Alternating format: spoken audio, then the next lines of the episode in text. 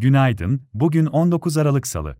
TEB Yatırım Araştırma Bölümünün hazırladığı piyasa yorumunu sunuyoruz.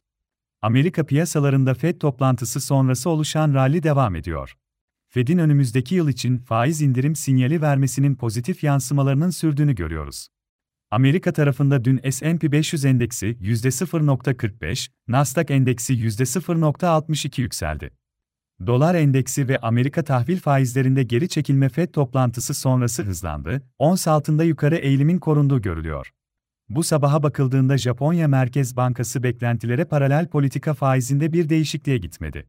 Haftaya satıcılı başlayan Asya tarafında bu sabah Japonya borsası yukarıda işlem görüyor, Çin borsası satıcılı açıldı, Amerika endeksleri vadeli tarafta yatay, Avrupa borsalarının güne hafif yukarıda başlaması bekleniyor.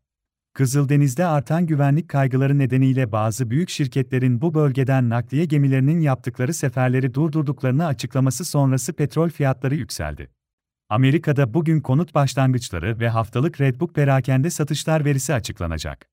Avrupa tarafında Euro bölgesine ilişkin tüketici fiyatları enflasyonu bulunuyor. İçeride bugün önemli bir veri akışı bulunmuyor, Perşembe günü para politikası kurulu toplanacak. Borsa İstanbul tarafında ise hafta başında yukarı hareket sınırlı kaldı. BIST 100 endeksinde güne başlarken kısa vade kritik dirençlerden biri olan 8000 seviyesinin üstü test edilse de, gün içinde gelen satışlarla endeks günü eksi %2.54 değer kaybıyla 7790 seviyesinde tamamladı. Hafta başında bankacılık endeksi hafif yükseldi, sanayi endeksi eksi %3.10 geriledi.